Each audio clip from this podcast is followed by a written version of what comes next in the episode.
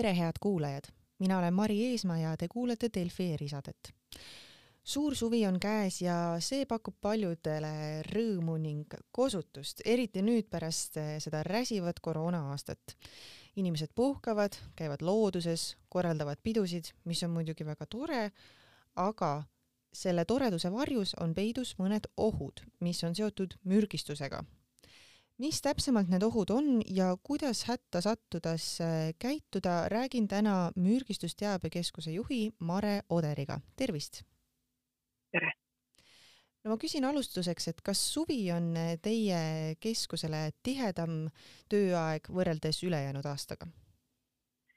jaa, suvi ja, ja sellele, selle üks täiesti möödapääsmatu osa, seenehooaeg on tavaliselt kõige töömahukam aeg aastas üldse ja mitte ainult Eestis, vaid ka kogu äh, siin Põhjamaades.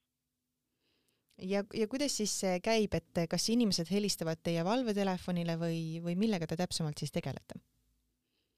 ja äh, meil on infoliin üks kuus kuus kuus kaks, ööpäevaringselt saavad inimesed hätta sattumise korral helistada mürgistustega ja küsida nõu või, või küsida, et kas tegu on ohtliku olukorraga ja, ja mida siis ette võtta ja mis see esmaabi peaks olema et äh, selline telefoni teel vastamine on kõige tavalisem äh, meie poole pöördumise viis. no ma kujutan, ma kujutan ette, et äh, suvel on üks mure kõne sisu, rästikud ja nende salvamised, et ähm, igal, ikka kuuleme suviti uudiseid sellest, kuidas keegi on salvata saanud. kui keegi nüüd siis saabki rästikult nõelata, hammustada, siis mis on need esimesed asjad, mida peaks tegema? kõigepealt äh, rästikuga muidugi sellel aastalgi on juba meil äh, infoliinil üksteist äh, sellist nõustamist olnud ja, ja nüüd, kui inimestel on puhkused rohkem või suuremas plaanis käimas, eks neid tuleb ka juurde, et inimesed satuvad vastakuti rästikuga sagedamini. aga esmajärjekorras, mida teha, on jääda rahulikuks ja mõelda läbi selline mõistlik ja ratsionaalne tegutsemistaktika. Ehk siis äh, kõigepealt see, kes inimene sai, sai salvata, et ta oleks võimalikult vähe liikuv.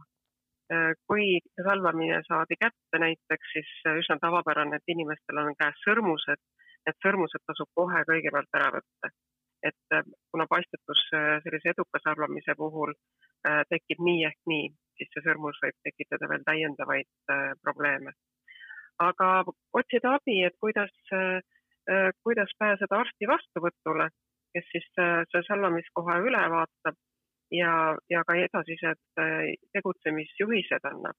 ma pean ütlema siin, et inimestel on ikka selline ootus, et kui ma sain nüüd rästikut hammustada, et kindlasti on vaja antidooti, siis, siis sellist reeglit ei ole.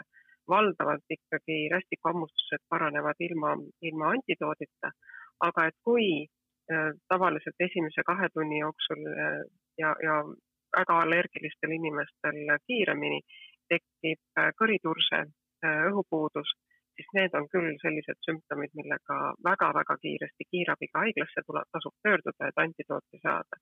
aga selle otsuse teeb ikkagi arst seal kohapeal, kes siis vaatab patsiendi üle ja hindab, et kas seda antidooti on tarvis.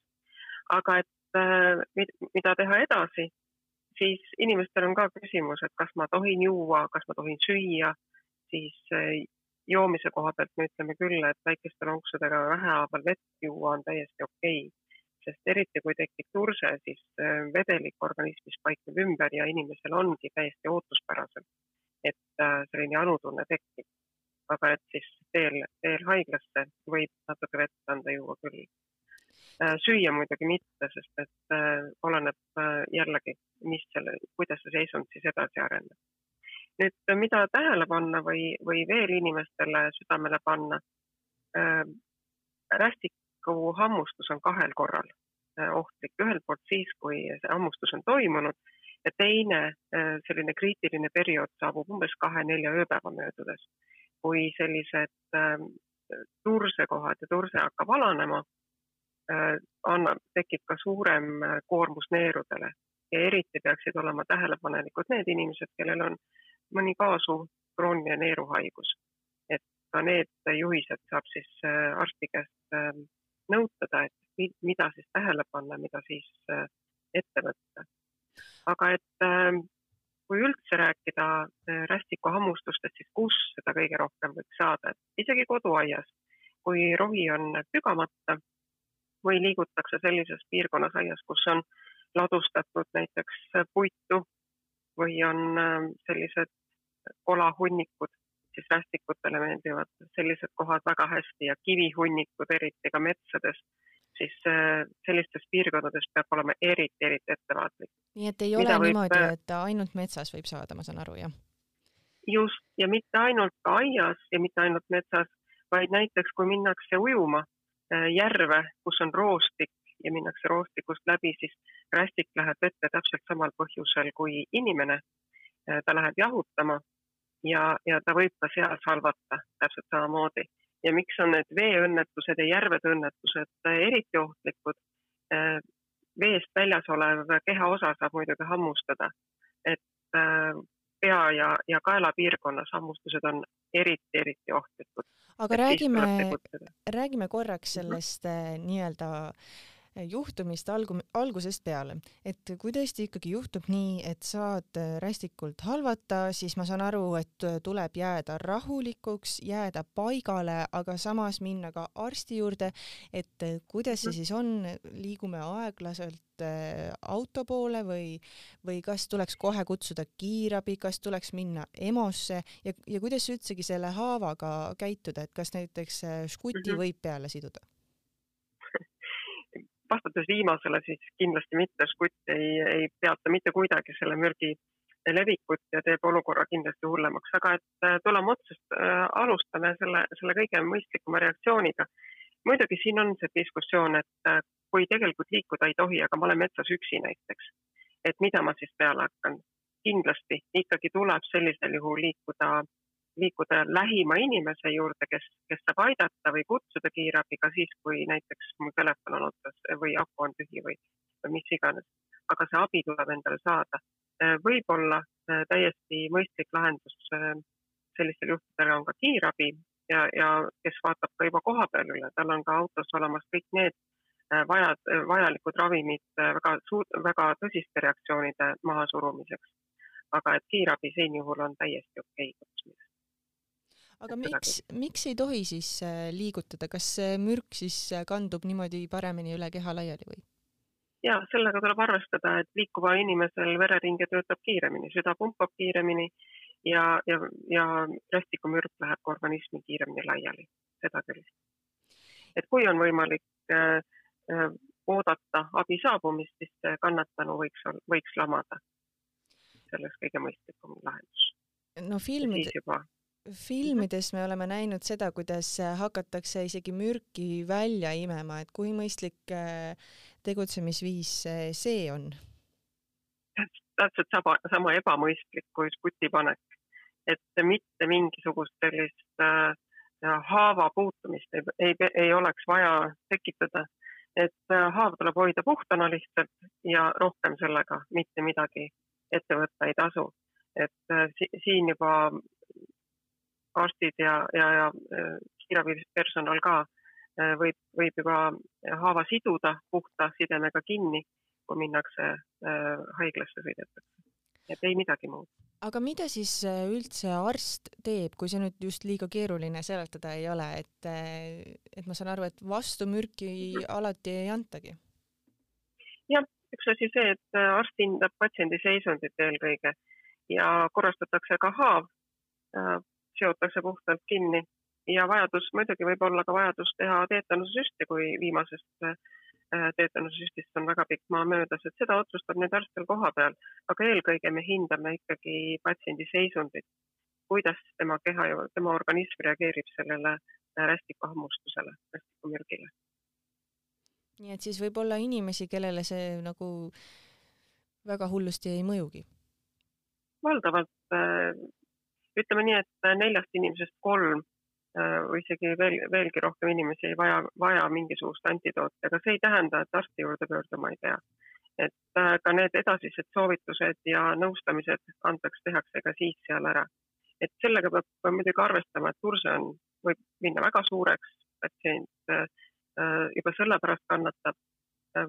see lihasjäikus või siis ka tundehäired või siis ka selline naha värvuse muutumine, et need on sellised tavapärased, mida oodata ja see räägitakse ka kõik arsti juures uuesti üle. aga eelkõige, et äh, kiiresti on äh, kahe tunni jooksul kindlasti tarvis arsti juurde saada, kes siis hindab üle, et kui ohtlikuks siis see konkreetne hammustus võib patsiendile kujuneda no peale rästikute on suves veel ohtusid, näiteks kaasnevad suvega sagedased grillipeod, mis iseenesest ohtlikud ei ole, aga ma saan aru, et need ohud nende grillipidudega on seotud erinevate kemikaalidega. kas te saaksite palun rääkida, mis, mis need ohukohad siis seal on? grillipeol on tavaliselt kasutatakse erinevaid kemikaale, mis on siis süütevedelikud näiteks Äh, on ka süütetabletid. et äh, eks maksab ühelt poolt läbi mõelda, et äh, kui, kes on need grillipeo osalised, kui seal on väikeseid lapsi, siis kas need grillisüütevedelikud ja tabletid, kus kohas neid hoitakse, või inimesed, kes tulevad grillipeole, kas, mis on see laua peale pandavad joogid, kui kättesaadavad on need väikestele lastele. et see, see maksab läbi mõelda, samamoodi kui oodatakse külalisi, siis kuhu külalised oma kotid panevad. teatavasti kottides on meil peale igasuguste märkmike ja võtmete tavaliselt olemas ka ravimid, kes suitsetavad, on ka sigaretid. et need on tavapärased juhtumid, kui me siis nõustame neid grillipidude külalisi või grillipidude mürgistusjuhtumeid.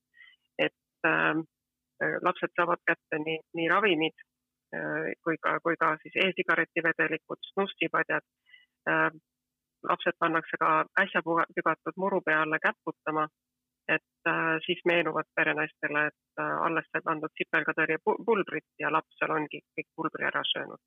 Et ja, ja samamoodi murul võiks, võivad olla ka kättesaadavad sigaretikonid, mis sisaldavad nikotiini ja kui väike laps selle endale suhu paneb, et millised kaebused siis tekivad, et need on tavaliselt sellised nikotiini äh, mürgistused, aga ka snussipadjakesi leiavad lapsed just nendel grillipidudel väga sagedali, sageli üles.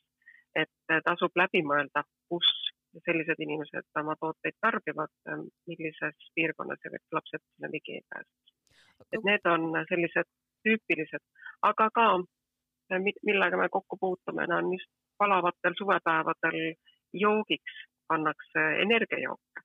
Aga enne veel, kui me energiajookidest räägime, ma küsiksin selle nikotiini kohta vahele, et eh, kuidas siis väljendub eh, lapsel see nikotiinimürgistus? Äh, üsna kiiresti tekib selline süljeeritus, suurem eri-, noh, seda on keeruline hinnata, kui lapsel on hambad tulemas, aga vanemad saavad aru äh,. tekib äh, uimasus ja unisus, laps läheb äh, selliseks hästi-hästi kiiresti tahab pikale visata ja hakkab, hakkab silmi hõõruma. et sellised nikotiini sümptomid on, on hästi-hästi sõltuvad sellest, et kui suur oli see nikotiini annus, mida siis äh, laps alla neelas. et äh, just sellised äh, higistamised, näopunatused, et äh, panna tähele mis tahes kaebusi et ega selles mõttes lapse puhul, kes on nikotiinipadja või siis äh, sigaretid äh, äh, suhu pannud ja, ja neelanud, hingamispuudulikkus või jõupuudus on see, mis, mida lapsevanemad ilmselt esimesena näeksid, aga et tuleb tähele panna kõiki äh, sümptomeid. Ja, ja ega muud äh,, sageli on ka see, et lapsevanemad helistavad, et ma ei tea täpselt, me oleme siin seltskonnaga, ilmselt on laps äh, midagi alla neelanud, midagi on täiesti teistmoodi, et mida kahtlustada. et eks siis samamoodi me küsime läbi erinevad küsimused, et kas on võimalik, et ühed või teised asjad on talle kättesaadavad olnud, mida esialgu lapsevanemad või peokorraldajad ei oska kahtlustada selles grillipidudes ma saan aru, et on üks asi ka veel äh, probleemiks see, et juuakse ära äädikat. kas tõesti? ja, ja need ei ole loomulikult sellised joomised, kus inimesed plaanivad äädikat juua, vaid äh, tahetakse teha äh, või valmistatakse ette grilli, tehakse šašlõkki ja on üks selline täiesti tüüpiline käitumis äh, selline liin, mis, mis siis ette võetakse, et äädikas valatakse klaasi valmis, et ei peaks hakkama pudelit eraldi kätte võtma. Ja äädikas näeb välja nagu tavaline vesi. Ja inimesed, kes ei ole selle valamise juures olnud, lihtsalt haaravad. et ja jällegi jääb, tekib selline mulje, et kuidas saab äädikat kogemata juua, et ta ju lõhnab nii intensiivselt siis eranditult kõik, kes on seda äädikat sel moel joonud, on öelnud, et ma alles teise sõõmu puhul sain aru, et tegu on äädikaga. et siis oli kahju juba sündinud, et äädik on äädikas on, kolmekümne protsendiline äädikas on eelkõige äädikhape, ta tasub meeles pidada, ta on söövitav ja, ja sellisel juhul on haiglasõit täiesti vältimatu me hakkasime siin ka rääkima ennist eh, energiajookidest, et praegu on ka palavad ilmad tulemas, eh, eriti eesootaval nädalavahetusel ja kõik teavad, et eh, janu kustutamiseks peab vedelikku tarbima, aga ma saan aru, et energiajoogid ei ole just parim vahend selle jaoks. E, ütleme, et see ei ole üldse mitte mingi vahend, mitte ainult parem vahend, parim vahend. et energiajookide puhul eriti palavaga, kus on äh, nii ehk nii tarvis vedelikku äh, juurde saada. Äh, kofeiin teatavasti aitab seda vedelikku pigem väljutada organismist. et ikkagi tava, sellise kõige palavama ilmaga on kõige mõistlikumad, mõistlikum on selline tavaline vesi, vesi, mineraalvesi, mahlad, midagi taolist, et energiajook kindlasti selleks ei sobi, sammugi mitte väikeste laste kätte mida me ka aeg-ajalt oleme oma infoliinil siiski kohanud. aga, aga sagedamini veelgi viimasel ajal me näeme seda energiajoogi tarbimist ja, ja sellest tekkinud kofeiinimürgistust äh, ikkagi täiskasvanul, kes äh, palava suveilmaga teeb mõnda füüsilist tööd äh,, olles unustanud igasuguse vee tarbimise ja siis süda puperdab ja paha on olla ja ajab iiveldama ja, ja mingil hetkel ei seisa ka pilt ees et sellised on tüüpilised äh, kofeiinimürgistused ja just sellest energiajoogist siis. aga kas tavalisest kohvist siis äh, nii hullusti ei pruugi minna? seda küll, et kohvis olev kofeiini kogus ei ole ka väga kanges kohvis äh, nii suur ja kui inimene on harjunud muidugi ka kofeiini tarbima, aga et äh, energiajoogis äh, ühelt poolt on pudeli peal näidatud äh, kindlasti seda kofeiini kogust, aga ka energiajoogis on sees mitmed sellised ained, mida meie organism ise sünteesib veel kofeiiniks või siis mis ka omavahel äh, koostoimes tekitavad sellise kofeiini kaebuse veel suurema, nii et, et tegelikult kogu kofeiini toimeaine kogust energiajoogis on väga raske inimesel endal hinnata. aga nüüd kuulates neid erinevaid äh, võimalikke mürgistuse ohtusid, siis äh, milline on selles mõttes abi palumise kõige õigem viis, et äh, kuidas inimene peab otsustama, kas enne helistada mürgistusteabekeskusele või kiirabisse? hästi lihtne vahet teha on see, et kui inimesel on teadushäired ja on näha, et olukord on väga kiiresti läinud eluohtlikuks, siis on ikkagi üks, üks, kaks, kuhu helistada kui on äh, lihtsalt kaebused, ma ei tea täpselt, äh, mida oodata, seisukord, seisukord on inimesel suhteliselt veel okei okay,, midagi häirib, et siis on mõistlik helistada üks kuus, kuus, kuus, kaks seda ööpäevaringselt. et õde konsultant vastab ja, ja oskab hinnata mida karta, kui pika aja jooksul sellised kaebused püsivad ja, ja mida vältida või mida saab endale ise inimene olukorra parandamiseks ette võtta. olgu selge pilt, ühesõnaga loodame siis, et eh, inimesed eh, said sellest vestlusest targemaks ja oskavad neid ohtusid eh, ette näha, mis varitsevad meid meie endi koduaedades ja mitte üldse kuskil ilmtingimata metsas või kuskil sellises kõrvalisemas kohas aga head kuulajad, selline sai tänane Delfi erisaade. minuga oli saates Mare Oder, kes on mürgistusteabekeskuse juht. ma tänan, et kuulasite ja kuulmiseni